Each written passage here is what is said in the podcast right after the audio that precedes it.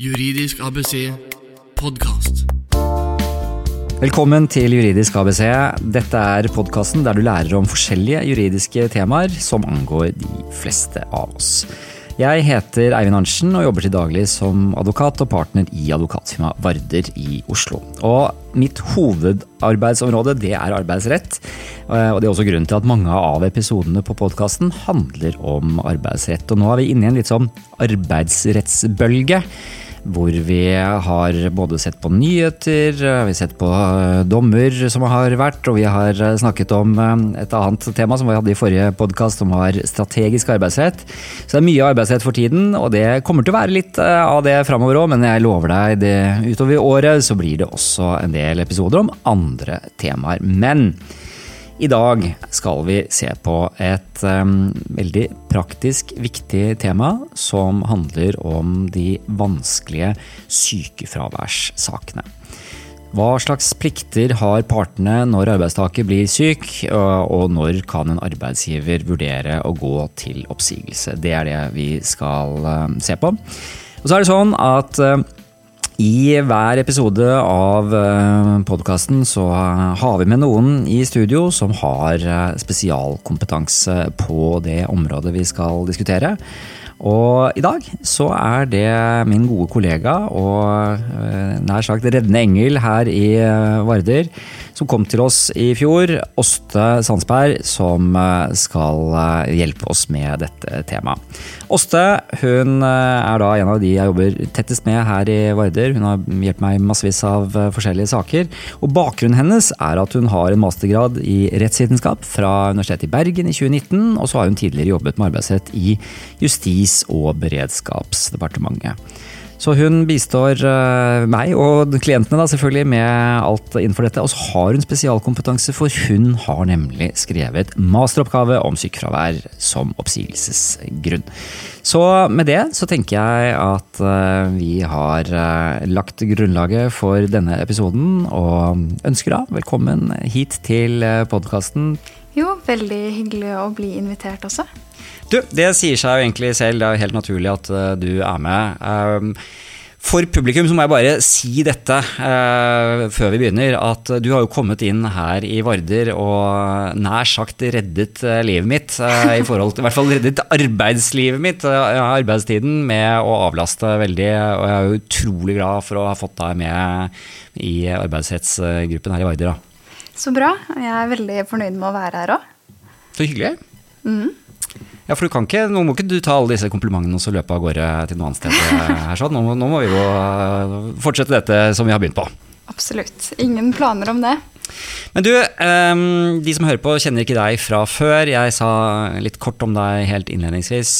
Men kan ikke du fortelle litt ja, om din bakgrunn? Ja, jeg er jo jurist, da. Jeg tok mastergraden min i 2019. Og da skrev jeg masteroppgaven min om arbeidsrett. Nærmere bestemt sykefravær og når man kan gå til oppsigelse da, pga. dette. Så jeg peilet meg jo litt inn på arbeidsrett på studiet, og så har jeg jobbet med det da i etterkant av studiet også. Men var det sånn at du planla da og tenkte at dette er et veldig praktisk tema som vi kan lage en podkast på, og derfor så lagde du, eller skrev du en avhandling om det, eller hvordan var det? Det var kun derfor, ja. ja ok.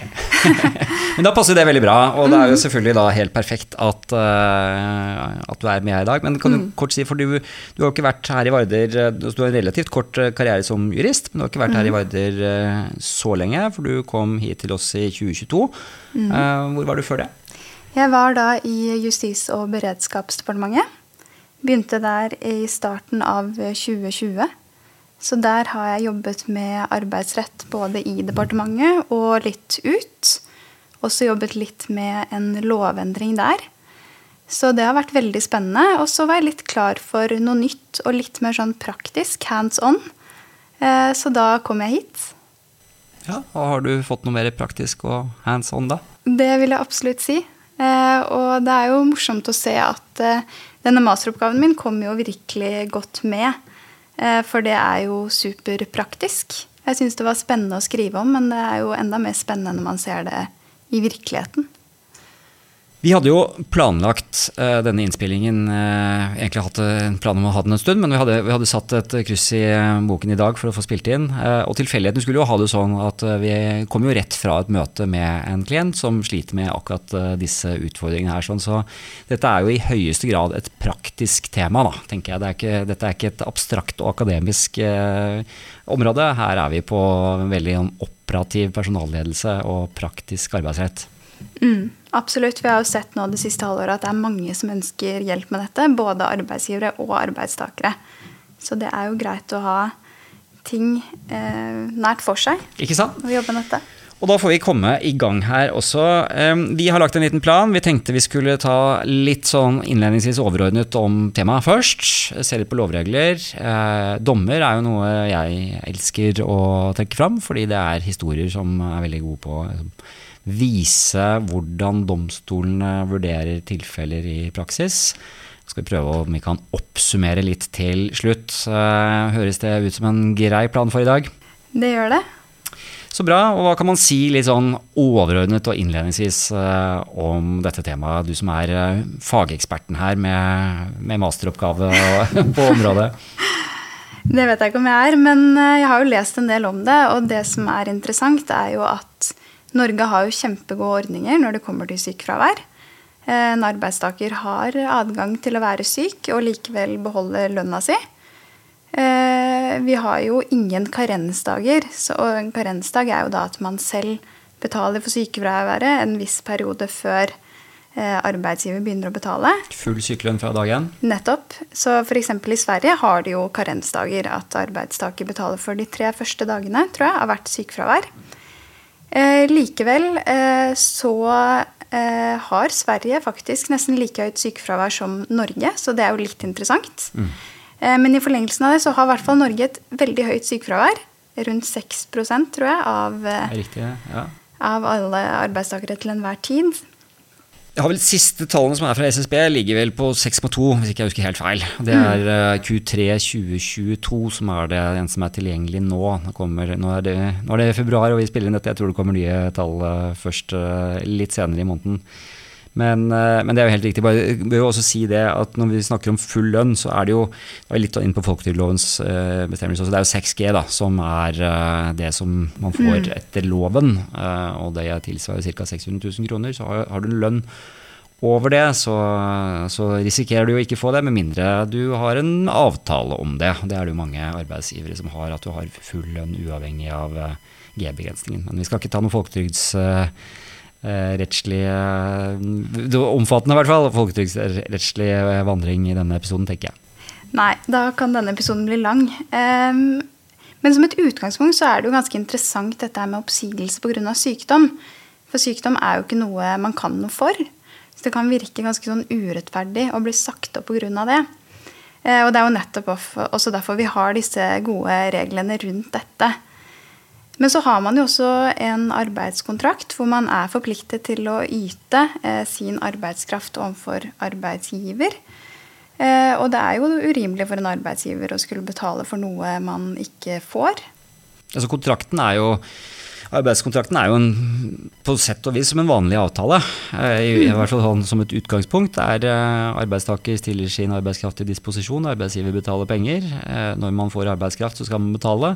Når man ikke får noe ytelse fra arbeidstaker, så skal man jo sånn med utgangs, som et utgangspunkt ikke betale. Altså mm. betale når folk er på jobb, men ikke når de har ferie, f.eks. Ikke sant. Og så er det jo heldigvis sånn at arbeidsgiver betaler jo bare de første 16 dagene av et sykefravær. Så når det er snakk om ett langt sykefravær, så er det jo ikke en så stor kostnad sånn rent økonomisk. Men når det er mange sykefravær i løpet av et år, så kan det jo bli en del. Mm. Og så er det jo ikke bare økonomiske utfordringer heller, men det er jo både planleggingsmessige, f.eks. Du må ta inn vikarer og betale de og lære de opp. Så det er jo flere ulemper her for arbeidsgiver dersom det er høyt sykefravær, da. Absolutt. Og så er det jo et produksjonstap. Mm. Uh, det er jo Sintef har gjort beregninger på det i flere omganger. Første gang i 2001. Så ble det oppdatert i var vel 2011, hvis ikke jeg husker feil.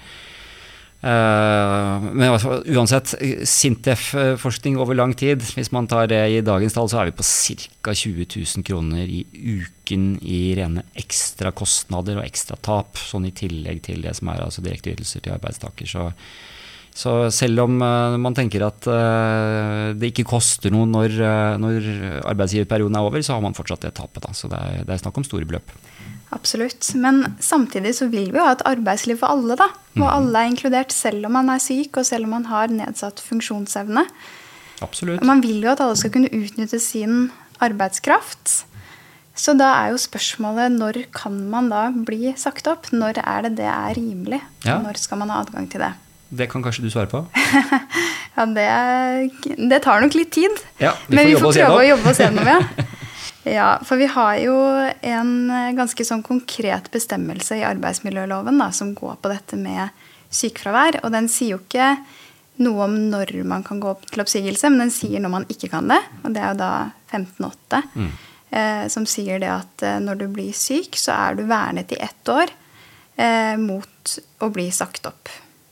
Første tolv måneder etter at uh, sykefraværet inntrådte. Nettopp. Um, men så har vi jo der Det er jo mange tilfeller hvor man er litt hyppig syk og kommer tilbake igjen. Og så er det jo der hvor sykefraværet strekker seg utover et år. Så skal man jo kunne gå til en oppsigelse på visse vilkår. Og da faller man jo tilbake på den vanlige bestemmelsen i 15.7, hvor det da kreves en saklig grunn. Eh, Bare for å få det her sånn helt klart, så Vi har to typetilfeller av situasjoner. Det ene er der hvor arbeidstaker blir syk, helt eller delvis, er borte fra arbeidet, eh, og så går det eh, mer enn tolv måneder. De første tolv månedene så, så kan man ikke si opp pga. sykefraværet. Mm. Så, så kan man selvfølgelig man kan si opp av andre årsaker, eller man kan få avskjed hvis man har begått underslag. og sånne ting. Det kan vi ikke gå inn på her, sånn. da blir det i hvert fall veldig lang podkast. Eh, så det ene er langtidssykefravær, hvor vedkommende kanskje har vært borte eh, halvannet år eller to år, eller et eller annet sånt. Eh, og det andre, som du sier, er da hyppige, hvor arbeidstaker blir syk, kommer tilbake, blir syk, kommer tilbake, blir syk, kommer tilbake, og så kan dette her fortsette. Og vi har sett eksempler på det går i over mange, mange år.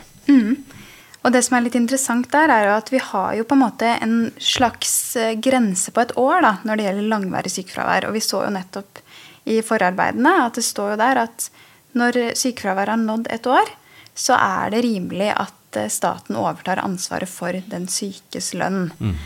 Eh, og da er jo spørsmålet, hvis man er hyppig syk, da er syk to uker på, en uke av, to måneder på, en måned av, gjelder det da en sånn type grense på et år der òg?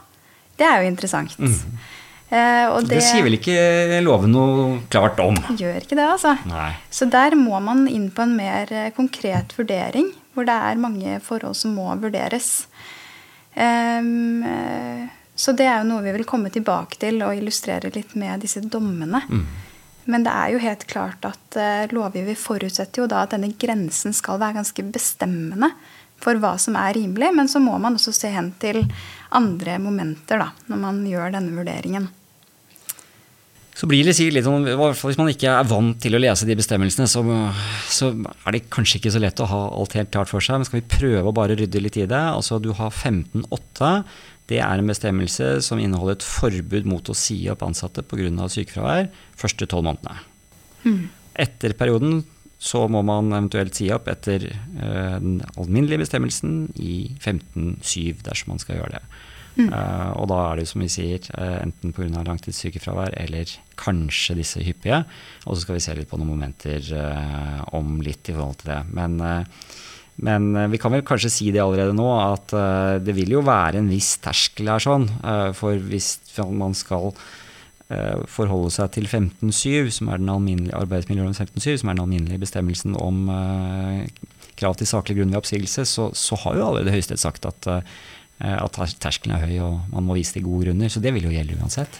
Absolutt. Det Arbeidstaker står jo sterkt i norsk rett. Eh, vi kan jo si litt om bare noen sånne grunnvilkår da, Ja. eh, for denne vurderingen. Eh, for det ene er jo dette med tilrettelegging. Eh, og når vi er inne på det, så har vi også en lovbestemmelse her i arbeidsmiljøloven 4.6 som sier at det da skal tilrettelegges av arbeidsgiver så langt det er mulig overfor arbeidstaker. Men hvordan henger det sammen med oppsigelsesadgangen? Kanskje du kan ta og fortelle litt om den koblingen der? Ja, eh, hvis ikke tilretteleggingsplikten er oppfylt, så er ikke oppsigelsen gyldig. Det kan man slå fast ganske lett. Ja. Så når man senere kommer på oppsigelsesvurderingen, så må man først gå tilbake og se men har man oppfylt de pliktene som arbeidsgiver har, når arbeidstaker eh, da blir borte fra, fra arbeid pga. sykdom eller skade. For dette handler jo egentlig bare rett og slett om oppfølging, best mulig oppfølging av den syke. Ja. Og da type tiltak, da. Vurdering av tiltak som kan hjelpe den syke med å komme tilbake til arbeidet. Og denne plikten strekker seg langt for arbeidsgiver. Kan omfatte f.eks. av fysisk tilrettelegging, som eh, kontorstol eller andre ting, eller hjemmekontor. Um, og dette beror jo på ulike momenter, da, hvor langt denne plikten strekker seg. Uh, hvis det er snakk om en uh, liten bedrift med kanskje svak økonomi, så er det mindre tiltak som, uh, som må iverksettes. Mens hvis det er en stor bedrift med mange stillinger og mye penger, rett og slett, så forventes det mer. Mm. Og det er noe som lovgiver har sagt, er ikke det? Altså at det er jo mer penger eh, virksomheten har, jo, jo, mer krever man. Jo større man er, jo flere muligheter eh, har man til å, til å drive god eh, oppfølging og tilrettelegging. Mm, absolutt. Hva sier loven, da? Eh, nei, loven sier at det skal tilrettelegges så langt det er mulig. Da. Mm. Eh, men at vurderingen beror på virksomhetens art, f.eks., som vi nettopp var inne på.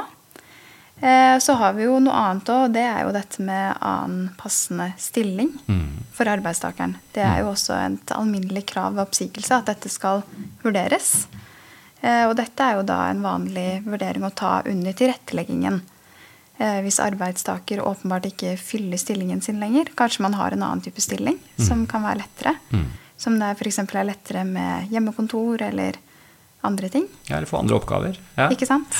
Men Behøver det da liksom, å være en stilling på samme nivå, eller kan man kanskje flytte litt rundt i organisasjonen også? Man kan vel absolutt flytte litt rundt, men det skal jo i utgangspunktet være på ganske like vilkår, da, med tanke på lønn og ansvar og sånn. Ehm, men man skal også tilby, dersom man har en stilling som vedkommende er overkvalifisert for, så kan man gjerne tilby denne. Mm. Og da er det opp til arbeidstaker å akseptere eller ikke. Mm. Så Der er det jo også igjen to spor. da, For Det ene er eh, altså Arbeidstaker blir syk. Eh, man plikter jo å sette i gang et oppfølgingsarbeid. Det tror jeg de fleste som hører på her kjenner til. Uh, man skal man begynne på en oppfølgingsplan. Den skal man gå i gang med med en gang. og Innen fire uker så skal den i hvert fall foreligge. og Så er det dialogmøte innen syv uker. og hele denne oppfølgings, oppfølgingsregimet da, som, mm. som, er viktig å, å følge opp.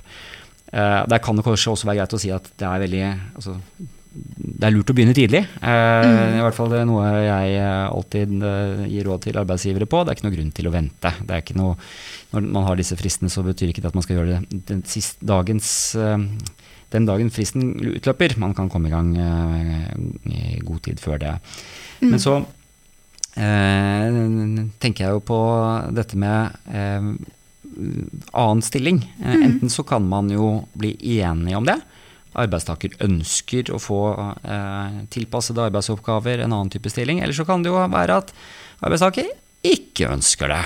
Mm. Eh, vi, har, vi, var jo i retten med en sak her eh, i fjor.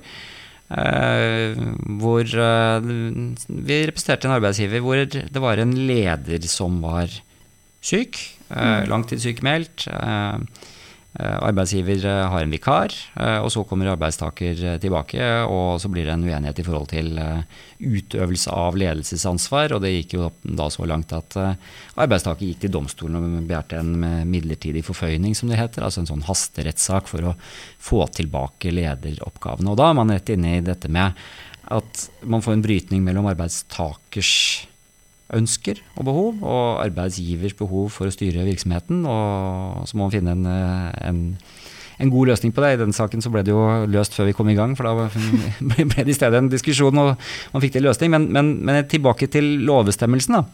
Mm. Så er det jo viktig å huske på dette som Eh, for nå er vi i 4-6, krav om eh, oppfølging og tilrettelegging så langt det er mulig.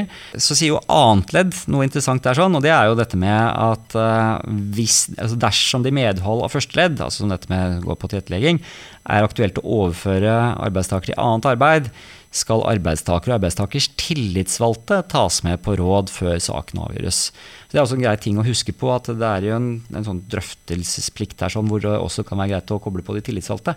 Mm, absolutt. Og så tenker jeg også det er greit å bare si kort at man har jo noen helt sånn obligatoriske plikter som arbeidsgiver med å lage en oppfølgingsplan.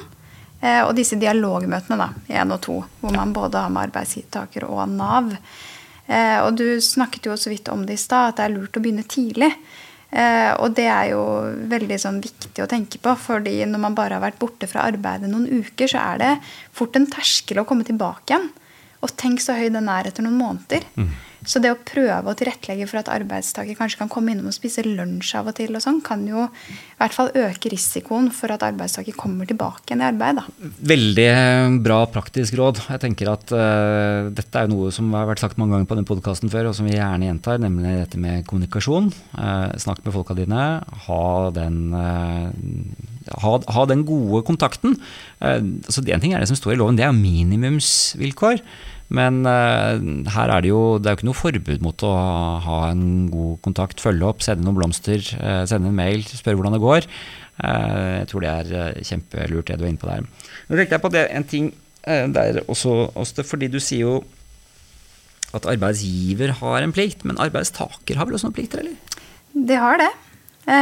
og det er også viktig å understreke at man kan ikke sitte helt passiv som arbeidstaker, i hvert fall sånn i utgangspunktet. Eh, for det er jo viktig at når arbeidsgiver skal kunne tilrettelegge og lage disse oppfølgingsplanene og følge opp sykdommen på en god måte, eh, så er det viktig å ha opplysninger om hvordan man kan gjøre dette. Og det er jo arbeidstaker nærmest å gi opplysninger om. Mm. Eh, gi opplysninger om hva han trenger for å kunne komme tilbake i arbeid, hvilke tiltak som kan hjelpe til. Og det er jo da arbeidstakers medvirkningsplikt, mm. som også er lovfestet. Mm. Eh, men så kan man jo også stille spørsmål med ja, men hva hvis arbeidstaker er deprimert da, og så langt nede at det er ikke mulig å ta kontakt med arbeidsgiver, og det er faktisk ikke mulig å svare på telefon engang.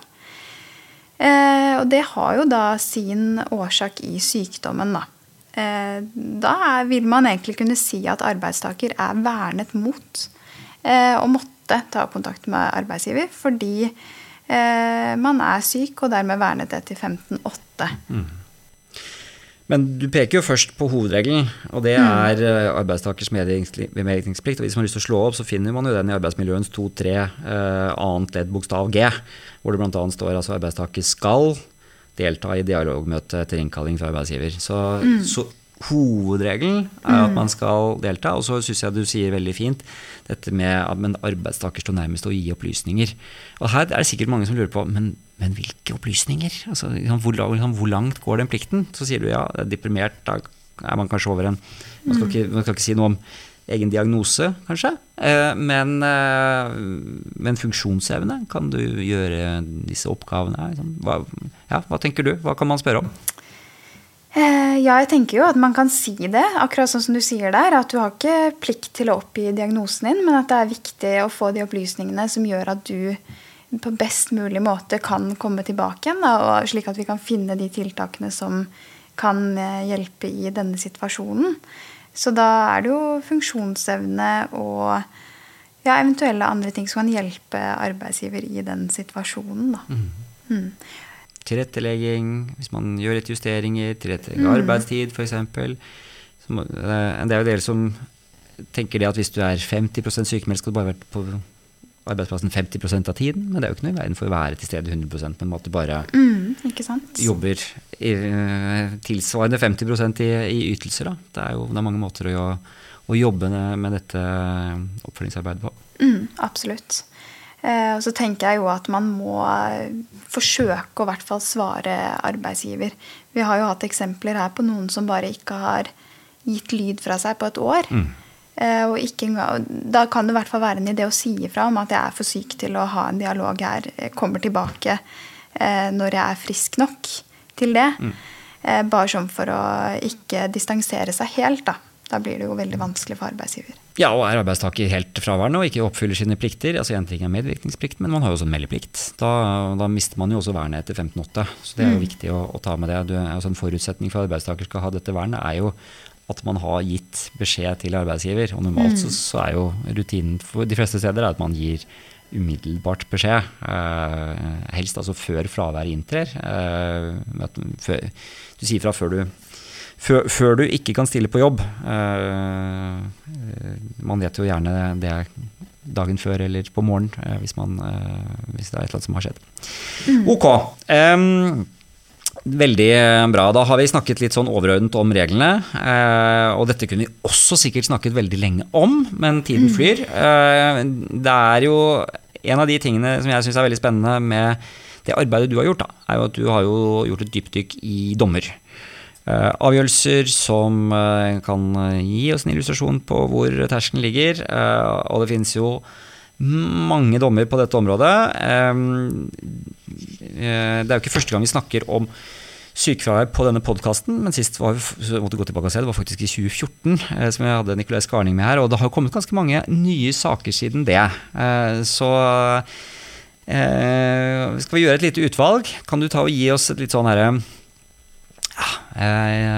litt bilde av hva domstolene sier. Er det noen overordnede linjer? Og så kan vi kanskje ta noen eh, detaljer fra noen eh, saker her også? Ja, det kan vi. Det har jo kommet en del dommer fra lagmannsretten her, da. Særlig mm. blitt avgjort der. Mm. Fra 2016 er jo de fleste, og så er det en fra 2013 som jeg regner med at dere har snakket om før, og så er det en fra 2018. Og det som er Et rush i 2016? Det er rett og slett et rush. Ja. Så der fikk vi mange gode avgjørelser. Og her sitter vi og sier disse nye dommene. ja, men det ja, ikke sant. Ja. Uh, ja. Nei, men da fikk vi veldig mange gode avklaringer, i hvert fall. Og det er jo en trend i de dommene jeg har her, at arbeidsgiver får medhold i at oppsigelsen er gyldig. At det skal gå en grense et sted. At man skal ha anledning til å si opp en arbeidstaker som er, har et fravær som er over det man må forvente. Og at prognosen ikke er at arbeidstaker snart kan komme tilbake i jobb. Mm.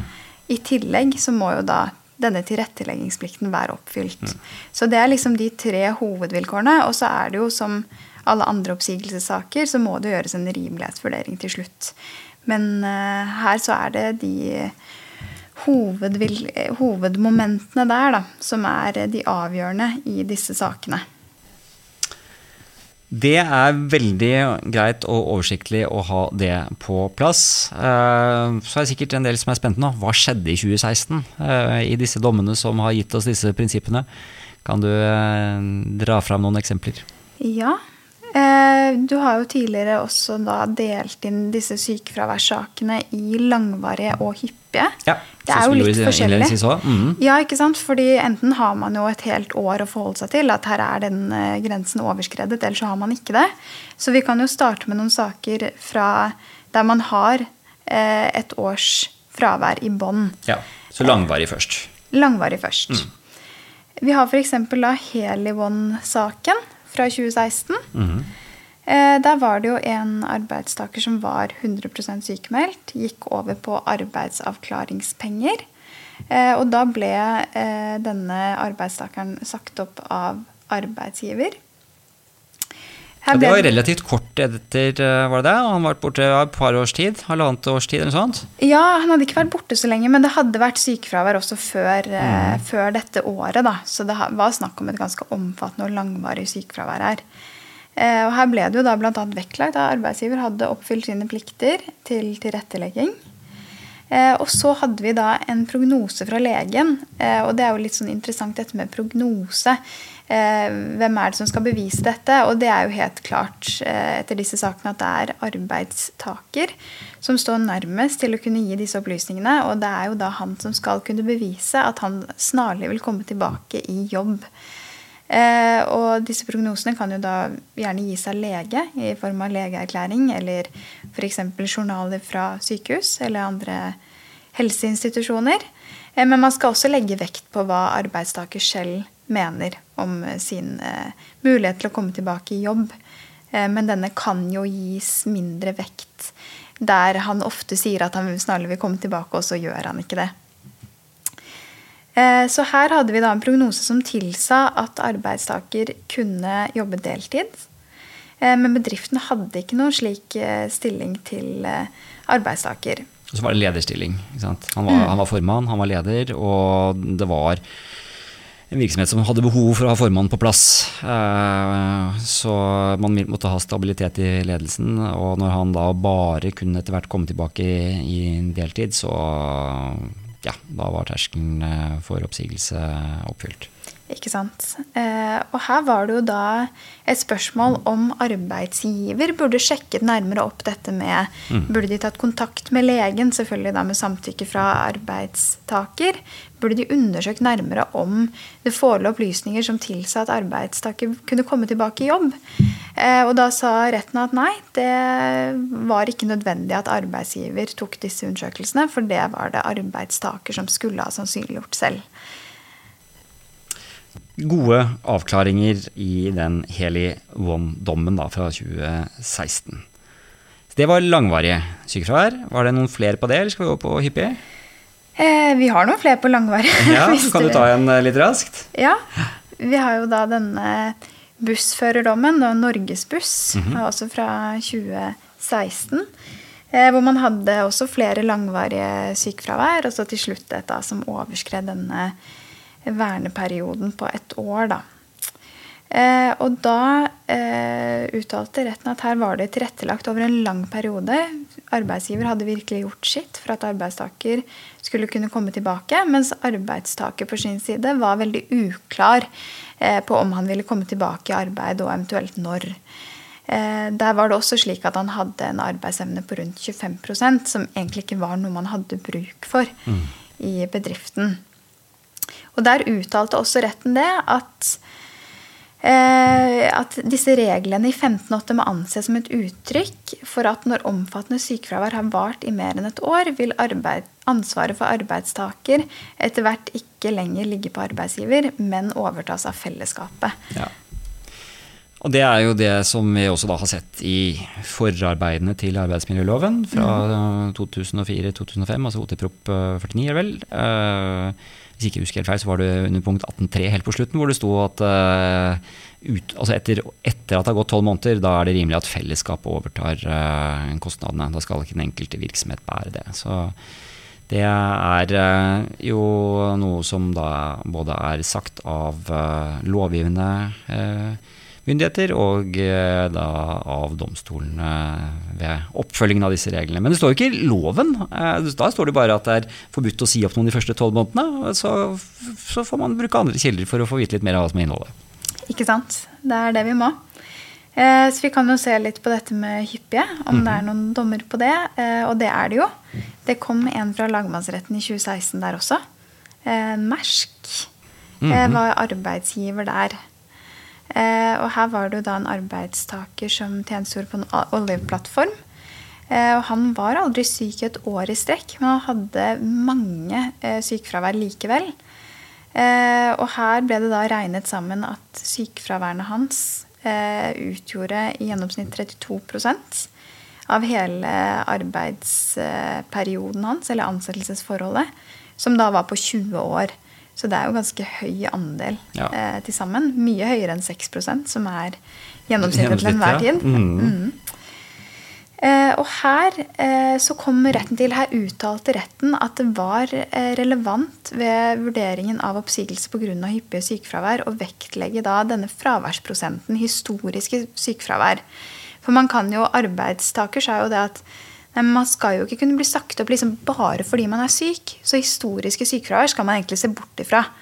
Poenget er liksom her og nå. Men det sa retten at det er, det er et relevant moment.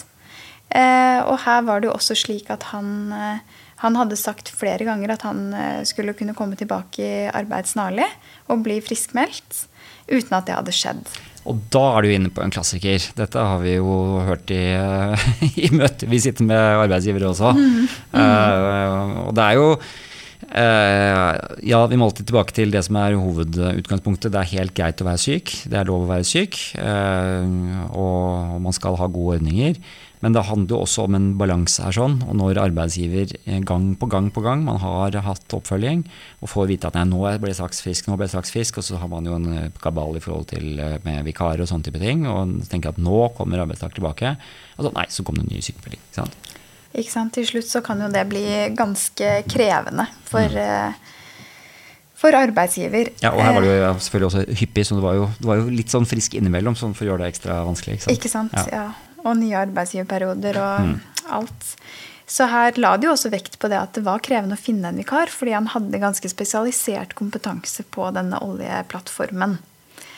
Eh, og så la, gikk man også over på å vurdere dette med tilrettelegging. Eh, og her hadde arbeidstaker da avvist mange av de tilbudene til tilrettelegging som arbeidsgiver hadde kommet med. Mm. og når det gjaldt omplassering, så hadde arbeidstaker et helt sånn konkret ønske om en spesiell stilling, om en spesiell stilling men så ble en annen eh, ansatt. Eh, og her sa da retten at eh, omplassering ikke kunne kreves på bekostning av andre ansatte. Mm. Så det er viktig å ta med det perspektivet også. Det er jo, det var ikke det, var ikke det tilfellet akkurat her, men det er også noe som har vært oppe tidligere, dette med om arbeidsgiver har plikt til å opprette en annen stilling. For arbeidstaker sier du, jeg kan ikke jobbe med disse tingene, men jeg kunne ha jobbet med noe annet. Og så peker man på noe og sier virksomheten ja, men jeg har ikke noen stilling der. Ja, men det kan jo opprettes. Nei, det, det trenger man ikke. Ikke sant? Også Sier er seg kanskje selv, men det, jo, det kommer mange sånne problemstillinger opp da. Det gjør det. Eh, man skal jo være kvalifisert for den stillingen man vil ha også, så det også er jo noe å tenke på, da. Absolutt. Eh, Så det er jo færre dommer på dette med hyppige sykefravær. Men vi har jo også en lagmannsrettsavgjørelse fra 2013. Ja, den vet jeg at du er glad i. Ja, den, den hadde jeg også med i denne masteroppgaven. Eh, Og her eh, var det vel også et veldig sånn høyt fraværsnivå. Det var en ansettelsesperiode på seks år, og så var gjennomsnittlig fravær på 74 7-4. Ja, det er, det er mye. Mm. Eh, her, men det ble gjort en grundig vurdering her likevel. Det var ikke plankekjøring, eh, for å si det på den måten. Nei, retten går ordentlig inn og vurderer. Ja, Det var liksom ikke åpenbart. Den gikk jo tross alt til lagmannsretten. Eh, og her vurderte man jo da disse prognosene. La vekt på dette kjempehøye sykefraværet. Eh, og så eh, regnet man jo med da at siden det hadde vært så omfattende tidligere at det ville bli av samme karakter senere. Arbeidstaker sa jo det at nei, men nå har jeg jo fått store barn, så jeg trenger jo ikke å være så mye hjemme med dem lenger. Og jeg er mye friskere nå. Men eh, det Men omsorg for barn er jo ikke noe vurdering sånn i utgangspunktet opp mot sykefravær. Nei, det kan du si, men hun, mye av sykefraværet skyldtes da at hun hadde vært hjemme med disse barna sine. Så det var en stor andel av det. Men da sa retten det at når fraværet har vært så stort over så lang tid, og du ikke kan fremlegge konkrete bevis for at det ikke kommer til å være det i fremtiden, så må man legge det samme til grunn da. Og dette er jo kjempeinteressant, hvordan man da sier at eh, altså, historien dikterer hva som kan komme fremover. og Det er, i hvert fall, det, det er en veldig relevant faktor. Og så som du sier, og, og da er det arbeidstaker som må bevise at historien ikke kommer til å gjenta seg. Og det er, og det er klart, det er jo arbeidstaker som saksøker. Og den som saksøker har i utgangspunktet eh, plikt til å føre bevis, da. Eh, og risikoen eh, hvis ikke man klarer å føre bevis. Men uh, mange vil nok tenke at uh, det kanskje er litt strengt, da. Uh, fordi arbeidstaker skal jo vernes og er en, er en svake part. Ja, absolutt. Men nå er jo dette på en måte også veldig sånn personlig personlige opplysninger som det er liksom nærmest at arbeidstaker har og får, og, redegjør, eller får redegjørelser om. Så da er det på en måte helt naturlig at det er arbeidstaker som tar hånd om disse opplysningene og gir de videre. Det gir mening. ja, det er bra. Eh, og her var det jo også dette med medvirkning. Da var veldig problematisert i denne saken. Eh, for denne lærerinnen, hun eh, ble i hvert fall anført at hun ikke hadde medvirket til dette. Hun hadde bl.a. ikke laget noe opplegg for vikarer som kom inn. Og det ble tillagt vekt i hennes disfavør i denne saken. For hun skapte hva skal jeg si, plunder og heft for eh, arbeidsgiver. Ja, Det, det, og det er noe som kan inngå i vurderingen. Absolutt. Både arbeidsgiver og kollegaer da også. Belastning på kollegaer. Ja, Og eh, ikke minst, det ble også sett hen til hennes stilling som lærer. Eh, at det vil være utfordrende for elevene å få nye vikarer hele tiden.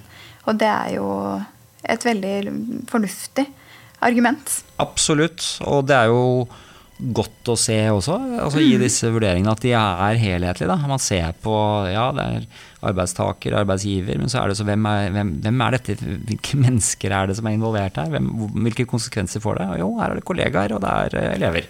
Ikke sant? Og det er jo viktig å ivareta elever, da, Mm. for eksempel. Eh, og det, det, så det er bra at jeg fikk plass i denne vurderingen. Mm. Eh, så her ble hun jo da sagt opp, og oppsigelsen var gyldig. Eh, og så har vi jo da en siste dom som kom for ikke så lenge siden, Widerøe-dommen. Ja. Vi kunne jo snakket om altså, Ja. du, har, du, har, du har i hvert fall altså, Du kunne lett tatt eh, fem, seks, syv eh, dommer til her, sånn, men, eh, men en vi må snakke om, er jo selvfølgelig den du drar frem nå. For da er det vi, beveger vi oss fra lagmannsretten opp til Høyesterett. Eh, og så sier du at da har vi en relativt fersk dom. Alt er relativt. Det er forskjell på hva skal jeg si, fisk og på dommer når det gjelder eh, hvor lenge, eller hva, hva som er ferskt. Eh, dommer kan være ferske i mange måneder. Eh, og høyesterettsdommen den sier vel fortsatt er fersk, selv om den har vel strengt tatt uh, saksnummer fra 2021, tror jeg. Eh, her var det jo da en eh, ansatt som eh, ble sagt opp. Og det var jo da etter omfattende oppfølging i forbindelse med sykefravær. Som resulterte i at det var helt klart at hans arbeidsevne den var ikke større enn 50% permanent. Eh, og da var jo spørsmålet hvor, lang plikt, eller hvor stor plikt arbeidsgiver hadde til å gi han en stilling eh, på denne Eller en permanent stilling på 50 Og dette var en kar som jobbet med han jobbet med mye forskjellig eh, for Widerøe flyselskapet, men nå etter litt, eh, etter litt tidligere sykefravær blant annet, så hadde han havnet, opp, eller havnet i eh, multimedia- og undervisningsavdelingen. Satt og produserte multimediaproduksjoner. Og da var de fire stykker som jobbet med det, eh, og alle var på fulltid. Og så har han da hatt fravær, etter hvert kommet tilbake, trappet opp til 50 men så sier han og legen eh, til arbeidsgiver at eh, der stopper det. Jeg kan jobbe 50% og det vil jeg gjerne gjøre, men jeg kan ikke jobbe mer. Ikke sant? Og da hadde jo ikke arbeidsgiver en slik stilling på 50 tilgjengelig for han. Så hvis de skulle ha gitt han det, så måtte de opprette en ny stilling. Ja. Og der kom jo tvisten. Ja. Hadde de plikt til det? Mm. Hadde de det? De hadde ikke det. Eh, da eh, sa uttalte retten at eh, tilretteleggingsplikten eh, strekker seg langt.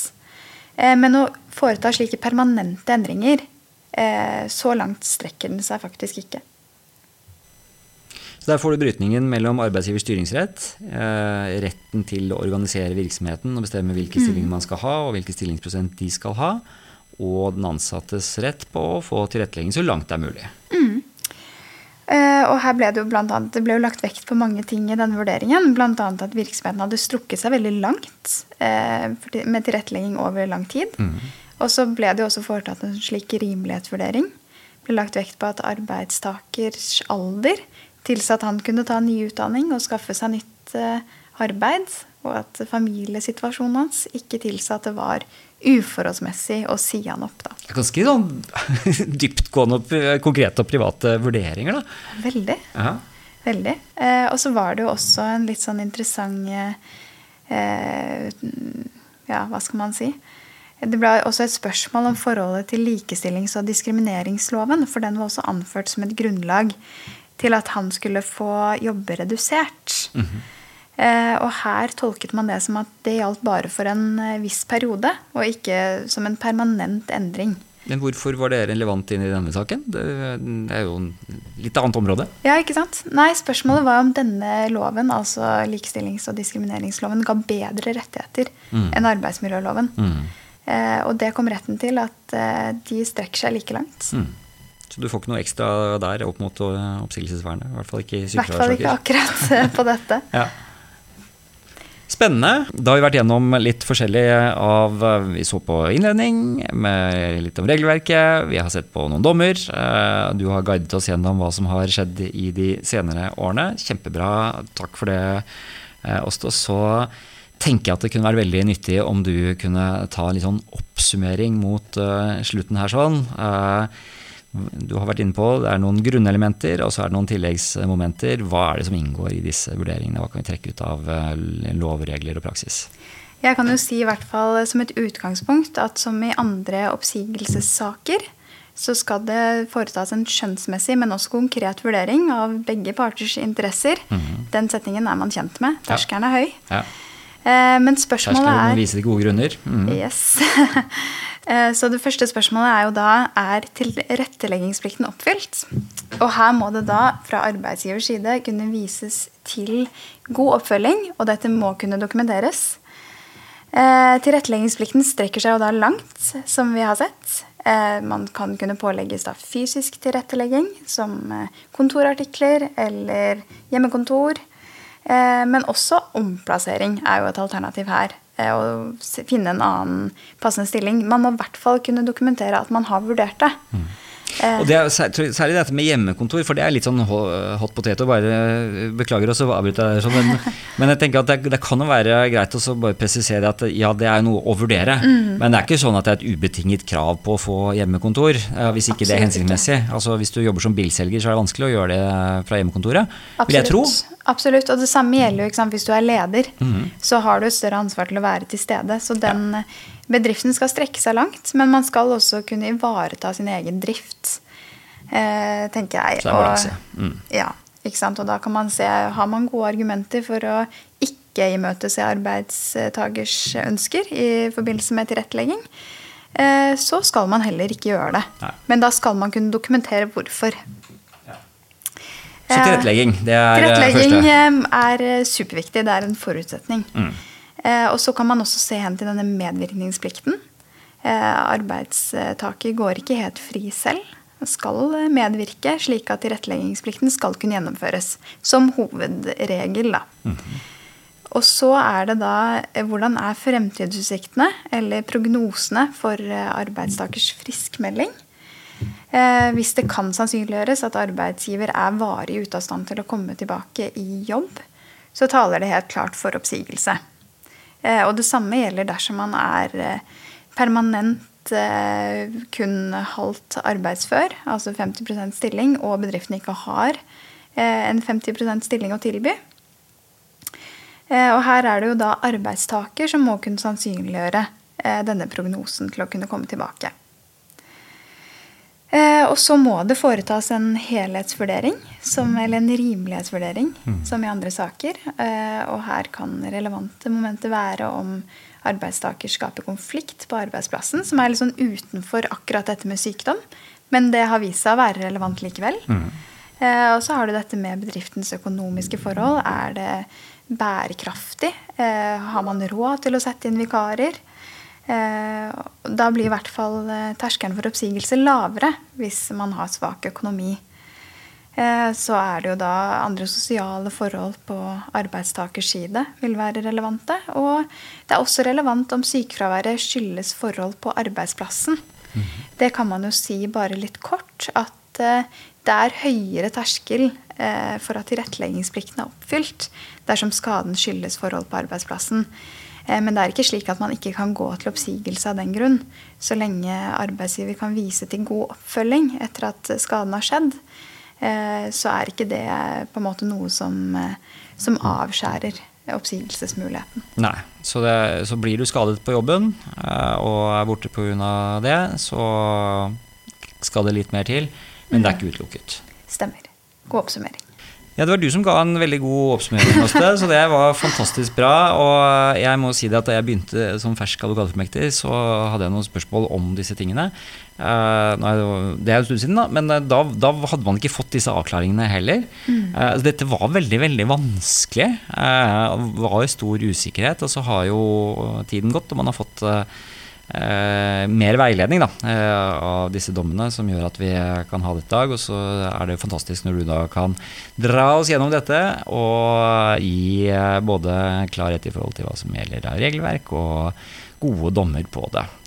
Så eh, da er det vel egentlig kanskje ikke så mye mer å legge til her nå, eh, annet enn at eh, vi stiller jo selvfølgelig til disposisjon hvis det er noen som har en sak som de ønsker å få hjelp til. Eh, jeg får veldig mange, det, Vi får mange eh, henvendelser som bare har et kort spørsmål. Det har vel ikke anledning til å liksom svare alle som har noen spørsmål om det, men, men, det er klart at dette er noe vi jobber med. sånn at hvis, eh, hvis man har en, en, større sak man trenger bistand til, så er det selvfølgelig bare å ta kontakt om det. Er det noe annet vi skal legge til her på slutten, tenker du? Nei, Jeg tenker at vi har vært igjennom det meste. Så jeg føler i hvert fall at jeg har snakket mye og sagt eh, det jeg har å si. Du, vi har eh, snart fylt en time her, sånn, eh, og tusen takk for at du hadde tid, du også, i en hektisk hverdag til å sette deg ned med dette. Så skal vi tilbake til noen saker som dreier seg om dette temaet, men det får vi ta når mikrofonen er skrudd av. Juridisk ABC podkast. Tusen takk for at du hørte på Juridisk ABC. Det hadde ikke vært en podkast hvis det ikke hadde vært for at du og alle andre som hører på denne podkasten, eh, følger med og lytter, og ikke minst at eh, vi får eh, tilbakemeldinger. Jeg må jo bare si det. Jeg blir både ekstremt takknemlig, ydmyk og glad hver gang jeg kan se på hva vi får av gode tilbakemeldinger på denne podkasten. Eh, når dette spilles inn, så har vi et snitt på 4,9 av 5 på Apple. Eh, og det er over 400 av dere som har lagt inn tilbakemeldinger. Jeg bare lyst til å ta med det. En av de siste som kom, det var eh, Jack som skrev 28.11.2022. Hei, Eivind. Jeg vil bare få benytte muligheten til å rette en stor takk til deg for at du bruker din tid til å gjøre praktisk juss tilgjengelig for oss vanlige dødelige eh, som har valgt en annen profesjon, men samtidig er over snittet interessert i juss. Please keep up the great work. Jack, jeg må jo si det. Eh, dette er jo en helt sånn perfekt oppsummering av hva som har vært formålet med denne podkasten. Eh, det er jo det, nettopp det. Å gjøre litt eh, Både gjøre ting tilgjengelig, men også innimellom litt sånn dypdykk innenfor områder som jeg vet er viktige for mange av oss og hvor eh, reglene kanskje ikke er så veldig lett tilgjengelige, eller de kanskje har vært under utvikling. Dagens tema er et eksempel på det. Vi har jo hatt en episode, eller to faktisk, om sykefravær tidligere. Ehm, det var i 2014, så det var på tide å ta en liten ny visitt til det, det området. Så til deg eh, som har skrevet dette, og til alle andre som har gitt tilbakemeldinger, igjen tusen, tusen takk. Og hvis ikke du har fått gjort det ennå, så håper jeg at eh, du kan ta deg tid til å gå inn på Apple og legge inn en liten vurdering av podkasten. Spesielt da, hvis du er fornøyd med den. Og hvis du har gjort alt det, så er neste steg det er å sørge for at du er påmeldt eh, nyhetsbrevet som vi også har. Ehm, jeg legger en lenke i eh, omtalen til denne episoden, av hvor du kan eh, melde deg på. Men eh, det er jo sånn at jeg fra tid til annen sender ut nyhetsbrev, og ikke minst sender jeg ut invitasjoner til webinarer. Det er en stund siden jeg har gjort det nå, men nå skal vi i gang med en del webinarer framover.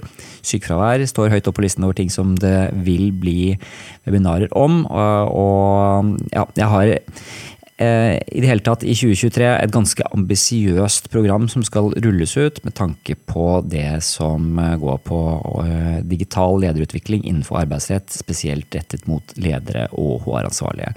Det har navnet Arbeidsrettsakademiet, hvor du får en helhetlig utdanning innenfor et område. Vi kommer da både til å ha det som et betalt produkt, som er noe man kan bruke i egen virksomhet, men i tillegg så blir det også en del gratis webinarer, som rett og slett handler litt om eh, å vise eh, hva som finnes eh, for de som ønsker mer profesjonelle løsninger. Så Håper det gir mening, og håper at du har lyst til å lære mer om både dagens tema og andre arbeidsrettslige temaer. Og gjør du det, så sørg for å finne lenken i omtalen til denne episoden, og klikk deg inn slik at du får meldt deg på nyhetsbrevet. Og ikke minst, det gjør du sikkert allerede, men hvis du skulle ha glemt det, pass på å abonnere på podkasten, sånn at du får neste episode også. Det kommer mange spennende episoder framover, så sørg for at du abonnerer, så kommer den til deg så fort jeg trykker på publiser. Og med det så sier jeg tusen takk for i dag. Vi høres snart.